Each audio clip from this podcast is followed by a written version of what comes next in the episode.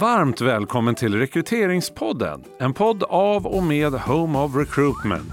Den här podden är för dig som rekryterar sällan, ofta eller jämt. Här får du tips, idéer och råd. Allt för mer rättvisa och träffsäkra rekryteringar.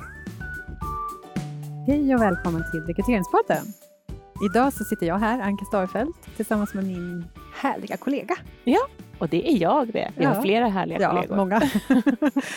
Josefin Malmer heter Ja. jag. Ja. Eh, Josefin, du är ju faktiskt väldigt, faktiskt, du är väldigt duktig på det här med tester. Och Ja. vi vet ju att det är många som lyssnar som tycker att det är väldigt utmanande när man ska ta in eh, tester till sin organisation. Man kanske har haft en extern leverantör tidigare till hjälp eller man har inte jobbat med det alls men man inser att det här är bra. Eller man har jobbat med dåliga tester har man insett och vill ta in bättre tester som Mm. passar för rekrytering. Och då finns det ett antal eh, alternativ Ja, och det gör här eh, upplever ju många som väldigt knepigt. Och, och jag tycker också att det är knepigt. Ja, men det är knepigt. Ja. Och, så, och jag, jag tycker det ibland är lite läskigt när du säger att jag är så himla duktig på det här med tester och testguru har du sagt någon gång också. Sådär. Och det blir väldigt eh, På gruppnivå på gruppnivå, precis, så kanske jag utmärker mig eh, långt ut i normalfördelningskurvan. Men absolut, jo, jag är ju hyfsat duktig och framförallt så kan jag säga att i den roll som vi har eh, på Home of Recruitment så är det ju så att vi får, har ju förmånen också att få möjlighet att jobba med väldigt många olika testleverantörer Ja, i de uppdrag vi går in i och liksom tack vare alla våra kära eh, kollegor som är ute och jobbar ute hos kunder och sitter liksom på insidan och, och får prova på både ATSer och, och testverktyg och alla möjliga tänkbara eh, saker kopplade till rekrytering så, så blir vi ju kunniga Mm. eh, och eh, om oss och kring oss, kring vad som finns på marknaden. Så att eh, med det sagt då så kan man väl ändå säga att vi, vi har bra koll. Eh, och det gör ju också att vissa ställer frågan så här, men du, kan inte du bara säga så här, vem ska jag, vilken ska jag gå med, vem ska jag träffa? Jag Mm. förstår inte, alla talar i egen sak. Eh, de slänger sig med begrepp som jag inte riktigt eh, förstår. Och hur ska jag, hur ska jag, hur ska jag kunna välja? Mm. Så. och nu tänkte vi att du ska ge några tips på Ja, vägen precis. när man ska välja. Så här, det finns ju flera saker att ta hänsyn till. Eh, men här kommer de som jag tänker att man absolut ska ta hänsyn Ja. till. Eh, och sen finns det annat säkert också. Men eh, först och främst såklart att det här är tester som eh, bygger på en, alltså en, en god teoretisk grund. Så. Att det här vilar på forskning, det finns, eh, det finns tekniska manualer som man kan läsa och man ser att det, eh, det finns liksom eh, validitet och det finns reliabilitet och alla de här sakerna som är viktiga för att man ska våga egentligen förlita sig på tester som ett beslutsunderlag. För det är ju så Mm. vi vill att man ska kunna använda dem. Men kan man bli lurad där då, tror du? Jag menar, om det inte finns så mycket forskning och så vidare, kan någon hävda det ändå? Eller hur?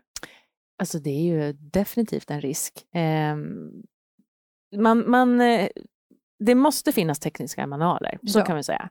Eh, finns det inte det, då ska man bli riktigt skeptisk. Mm. Och när de finns där, då kan man ju gärna faktiskt också eh, hämta hem några stycken och titta på hur de ser ut och skiljer sig från varandra och så där. Och sen så kanske ta hjälp av någon Mm. eh, om man inte själv förstår. Mm. Så att jag tror man kan bli lurad. Jag tror att man kan lätt tänka, dels är det det vissa skickliga säljare som är bra på att liksom, eh, pitcha in sig utifrån de här lite nördiga begreppen och man kanske också är benägen att tänka att oj, det här var ett högre eh, validitetsmått än hos den leverantör jag träffade igår. Undrar vad det betyder. Är det här en bättre leverantör då eller sådär? Mm. Så att eh, helt klart så Mm. finns det en risk, tänker Mm. jag. Vad ska man mer tänka på? Sen tycker jag man ska tänka på såklart, vad är det för typ av eh, vad har vi för behov? Vad ska vi mäta för någonting? Vad behöver, våra alltså vad behöver vår testleverantör kunna leverera på när det gäller eh, saker som de mäter? Mm. Och det är ju lite olika. Mm. Eh, de absolut flesta mäter ju, har testverktyg som mäter eh, normalpersonlighet, alltså Big Five och även eh, begåvning. Men sen kanske man har behov av specifika färdigheter eller kunskaper. Man kanske vill kunna använda testerna för screening. Då eh, smalnar det ju av lite grann vilka som man kan samarbeta med. Eh, så att vad behöver vi för typ av eh, information Mm. och vad behöver vi därmed för verktyg och vilka leverantörer kan Mm. leverera på det? Och så, vad behöver vi för information och när i processen? Ja, precis. Det också såklart. Och då kommer vi också in på det området som vi på Home of Recruitment verkligen tycker är ett av de kanske viktigaste områdena kopplat till det här och det har ju med kandidatupplevelsen att göra. Ja. Hur ser det ut med eh, men hur känns det att fylla i testerna? Hur ser det ut med eh, feedback? Hur är själva liksom, eh, vad ska man säga, gränssnittet och alla de här sakerna kan man göra på mobilen, hur lång tid tar det och så. Mm. Så den delen måste man ju också stämma av hos leverantörerna så att Mm. man säkerställer att ja, men det här är någonting som vi kan stå för också. Eh, så att eh, kandidatupplevelse, absolut. En annan del är ju det här med hur pass eh, lätt kan vi få ihop det här med vad vi gör i övrigt? Går det här att integrera med vårt eh, rekryteringssystem? Mm.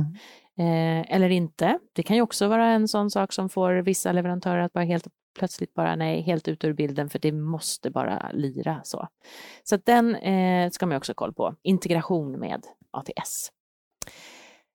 Sen så eh, tänker jag också, vem ska in och titta på de här sakerna? Är det vi på HR som ska sitta där, rekryteringsspecialister, eller ska chefen också in och kunna liksom, se testresultat? Då kanske saker och ting behöver se ut på ett annat sätt än det här som många är vana vid egentligen, där man som HR behöver sitta och översätta och liksom vara bryggan mellan teorin och praktiken lite grann så. så att, eh, och där är det också olika leverantörer som har olika sätt Mm. eh, att hantera den delen. Och med det sagt så handlar det också om så här, vad krävs det eh, för eh, investering i tid från vår sida? Måste vi sitta i eh, tre dagars utbildning, certifieringskurs? Måste vi liksom ständigt höra av oss för att förstå saker och ting och så där. Så kundsupporten och även stödet som man får ska man också titta på, tycker jag. Mm. Kundsupporten och ut, alltså vad krävs det för typ av utbildning för att Ja. komma igång? Ja, och hur Mm. får jag utbildning? Ja. Får jag utbildning löpande i någon form av så här coach? Eller, behöver jag, eller, eller får jag en, en gedigen liksom, två plus en dagars eh, certifieringskurs? Måste jag, eh, ja, hur ser det ut med den delen? Liksom? Mm. Den tycker jag också är, är superviktig. Sen så tänker jag också att det handlar om eh, budget. Den, den lilla frågan också.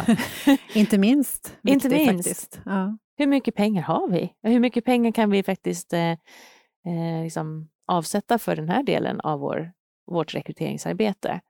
Och, och det, det kan ju vara svårt att räkna på också för att det kan ju vara väldigt tidsbesparande att ta in testverktyg, framförallt om man börjar använda screeningtester istället för att typ CV-gallra och sådana saker, telefonintervjua och, eller intervjua eh, väldigt många kandidater. Så, så det, det kan ju vara svårt att räkna på, men i alla fall så måste man ju titta på vad har vi för budget, vad erbjuder leverantörerna för eh, prismodeller?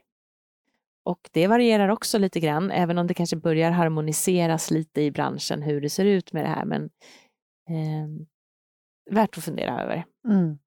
Verkligen. Mm. Sen är det ju liksom, det finns ju några leverantörer som man aldrig behöver titta på alls. Och det har vi ju pratat om så många gånger.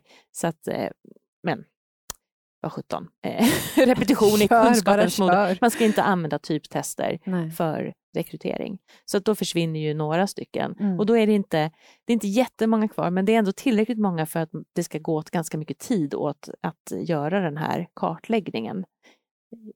Tänker jag. Mm. Och, och det verkar som att många tycker det också eftersom Mm. att de hör av sig och vill så här, kan du ge mig en shortlist? Mm. vilka, ska jag, vilka ska jag träffa? Så. Men det är ju lite grann samma sak som att säga, kan du ge mig en shortlist av kandidater? Ja, Ja. vi måste ha en kravprofil först. Ja, exakt. Mm. Så att eh, gör kravprofilsarbetet först. Vad är det för någonting som ni verkligen är ute efter? Vad är det ni behöver? Och sen eh, utifrån det då sondera marknaden och träffa dem som kan leverera på de sakerna. Precis. Mm. Då var vi klara för idag. Ja, det var de tipsen vi hade att ge. Mm. Toppen. Eller jag hade att ge. Ja, det var väldigt bra tips tycker jag. Ja. Mm. Och är det så att man sitter där och känner att ja, det var bra tips, men eh, det där kommer jag inte ha tid med, eller det där känns ändå eh, övermäktigt av andra skäl. Så slå en signal Mm. såklart. Vi har, ju, vi har ju gjort kartläggningen, vi har ju koll på svaren på de här Mm. delarna. Precis. Så att, eh, då är det bara att man hör av sig. Exakt. Mm. Stort tack för idag. Tack, Ha det tack. bra Hej då. allihopa. Hej då. Du har hört en podd av Home of Recruitment. Om du vill komma i kontakt med oss, skicka ett mejl till info at homeofrecruitment.se. Podden är producerad av Septemberfilm.